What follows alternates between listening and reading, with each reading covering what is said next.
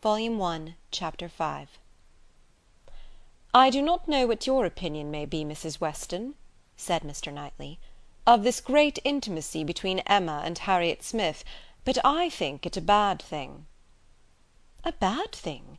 Do you really think it a bad thing? Why so? I think they will neither of them do the other any good. You surprise me. Emma must do Harriet good; and, by supplying her with a new object of interest, Harriet may be said to do Emma good. I have been seeing their intimacy with the greatest pleasure. How very differently we feel! Not think they will do each other any good! This will certainly be the beginning of one of our quarrels about Emma, Mr. Knightley. Perhaps you think I am come on purpose to quarrel with you, knowing Weston to be out, and that you must still fight your own battle. Mr. Weston would undoubtedly support me, if he were here, for he thinks exactly as I do on the subject. We were speaking of it only yesterday, and agreeing how fortunate it was for Emma, that there should be such a girl in Highbury for her to associate with. Mr. Knightley, I shall not allow you to be a fair judge in this case.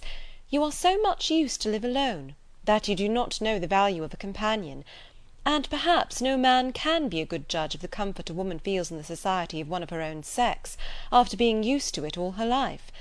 I can imagine your objection to Harriet Smith; she is not a superior young woman, which Emma's friend ought to be; but, on the other hand, as Emma wants to see her better informed, it will be an inducement to her to read more herself; they will read together.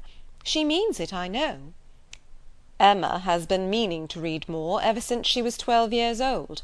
I have seen a great many lists of her drawing up at various times of books that she meant to read regularly through; and very good lists they were, very well chosen, and very neatly arranged, sometimes alphabetically, and sometimes by some other rule. The list she drew up when only fourteen, I remember thinking it did her judgment so much credit, that I preserved it some time, and I dare say she may have made out a very good list now but I have done with expecting any course of steady reading from Emma. She will never submit to anything requiring industry and patience, and a subjection of the fancy to the understanding. Where Miss Taylor failed to stimulate, I may safely affirm that Harriet Smith will do nothing. You never could persuade her to read half so much as you wished; you know you could not. I dare say, replied Mrs. Weston, smiling, that I thought so then but since we have parted, I can never remember Emma's omitting to do anything I wished. There is hardly any desiring to refresh such a memory as that, said Mr. Knightley feelingly; and for a moment or two he had done. But I, he soon added, who have had no such charm thrown over my senses, must still see, hear, and remember. Emma is spoiled by being the cleverest of her family. At ten years old she had the misfortune of being able to answer questions which puzzled her sister at seventeen. She was always quick and assured, Isabella slow and diffident; and ever since she was twelve, Emma has been mistress of the house and of you all. In her mother she lost the only person able to cope with her. She inherits a mother's talents, and must have been under subjection to her. I should have been sorry, Mr. Knightley, to be dependent on your recommendation, had I quitted Mr. Woodhouse's family, and wanted another situation. I do not think you would have spoken a good word for me to anybody. I am sure you always thought me unfit for the office I held. Yes, said he, smiling, you are better placed here; very fit for a wife, but not at all for a governess. But you were preparing yourself to be an excellent wife all the time you were at Hartfield.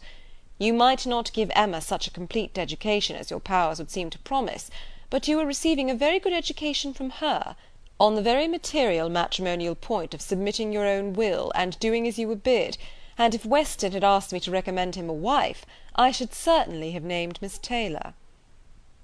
Thank you. There will be very little merit in making a good wife to such a man as Mr. Weston. Why, to own the truth, I am afraid you are rather thrown away, and that, with every disposition to bear, there will be nothing to be borne. We will not despair, however; Weston may grow cross from the wantonness of comfort, or his son may plague him. I hope not that. It is not likely. No, Mr. Knightley, do not foretell vexation from that quarter. Not I, indeed; I only name possibilities. I do not pretend to Emma's genius for foretelling and guessing. I hope with all my heart the young man may be a Weston in merit and a Churchill in fortune. But Harriet Smith, I have not half done about Harriet Smith. I think her the very worst sort of companion that Emma could possibly have. She knows nothing herself, and looks upon Emma as knowing everything. She is a flatterer in all her ways, and so much the worse because undesigned. Her ignorance is hourly flattery. How can Emma imagine she has anything to learn herself, while Harriet is presenting such a delightful inferiority? And as for Harriet, I will venture to say that she cannot gain by the acquaintance. Hartfield will only put her out of conceit with all the other places she belongs to. She will grow just refined enough to be uncomfortable with those among whom birth and circumstances have placed her home. I am much mistaken if Emma's doctrines give any strength of mind, or tend at all to make a girl adapt herself rationally to the varieties of her situation in life. They only give a little polish. I either depend more upon Emma's good sense than you do, or am more anxious for her present comfort, for I cannot lament the acquaintance.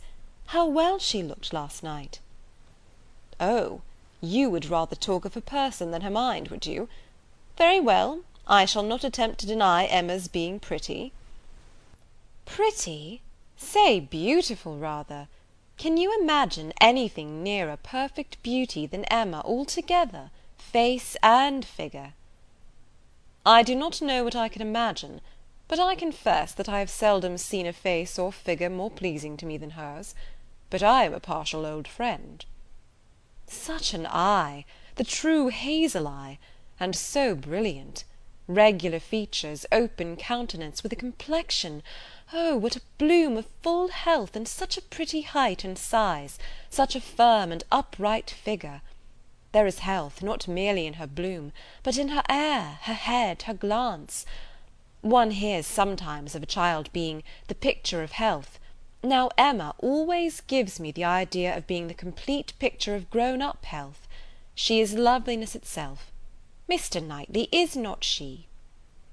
"I have not a fault to find with her person," he replied. "I think her all you describe. I love to look at her; and I will add this praise, that I do not think her personally vain. Considering how very handsome she is, she appears to be little occupied with it. Her vanity lies another way. Mrs. Weston, I am not to be talked out of my dislike of Harriet Smith, or my dread of its doing them both harm."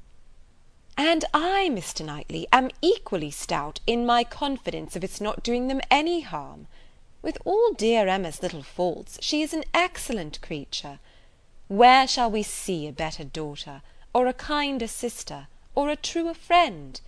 No, no. She has qualities which may be trusted; she will never lead any one really wrong; she will make no lasting blunder. Where Emma errs once, she is in the right a hundred times." "Very well, I will not plague you any more. Emma shall be an angel, and I will keep my spleen to myself, till Christmas brings John and Isabella. John loves Emma with a reasonable, and therefore not a blind affection and Isabella always thinks as he does, except when he is not quite frightened enough about the children. I am sure of having their opinions with me. I know that you all love her really too well to be unjust or unkind. But excuse me, Mr. Knightley, if I take the liberty I consider myself, you know, as having somewhat of the privilege of speech that Emma's mother might have had the liberty of hinting that I do not think any possible good can arise from Harriet Smith's intimacy being made a matter of much discussion among you. Pray excuse me; but supposing any little inconvenience may be apprehended from the intimacy, it cannot be expected that Emma, accountable to nobody but her father, who perfectly approves the acquaintance, should put an end to it, so long as it is a source of pleasure to herself. It has been so many years my province to give advice, that you cannot be surprised, Mr. Knightley, at the little remains of office." "Not at all," cried he. "I am much obliged to you for it. It is very good advice, and it shall have a better fate than your advice has often found, for it shall be attended to." Mrs. John Knightley is easily alarmed, and might be made unhappy about her sister. "Be satisfied," said he. I will not raise any outcry; I will keep my ill humour to myself. I have a very sincere interest in Emma. Isabella does not seem any more my sister, has never excited a greater interest, perhaps hardly so great. There is an anxiety, a curiosity in what one feels for Emma. I wonder what will become of her." "So do I," said Mrs. Weston gently, "very much." "She always declares she will never marry, which of course means just nothing at all. But I have no idea that she has ever yet seen a man she cared for. It would not be a bad thing for her to be very much in love with a proper object. I should like to see Emma in love, and in some doubt of a return. It would do her good. But there is nobody hereabouts to attach her, and she goes so seldom from home." "There does indeed seem as little to tempt her to break her resolution at present," said Mrs. Weston, "as can well be; and while she is so happy at Hartfield, I cannot wish her to be forming any attachment which would be creating such difficulties on poor Mr. Woodhouse's account. I do not recommend matrimony at present to Emma, though I mean no slight to the state, I assure you." Part of her meaning was to conceal some favourite thoughts of her own and Mr. Weston's on the subject as much as possible. There were wishes at Randalls respecting Emma's destiny, but it was not desirable to have them suspected; and the quiet transition which Mr. Knightley soon afterwards made to "What does Weston think of the weather? Shall we have rain?" convinced her that he had nothing more to say or surmise about Hartfield.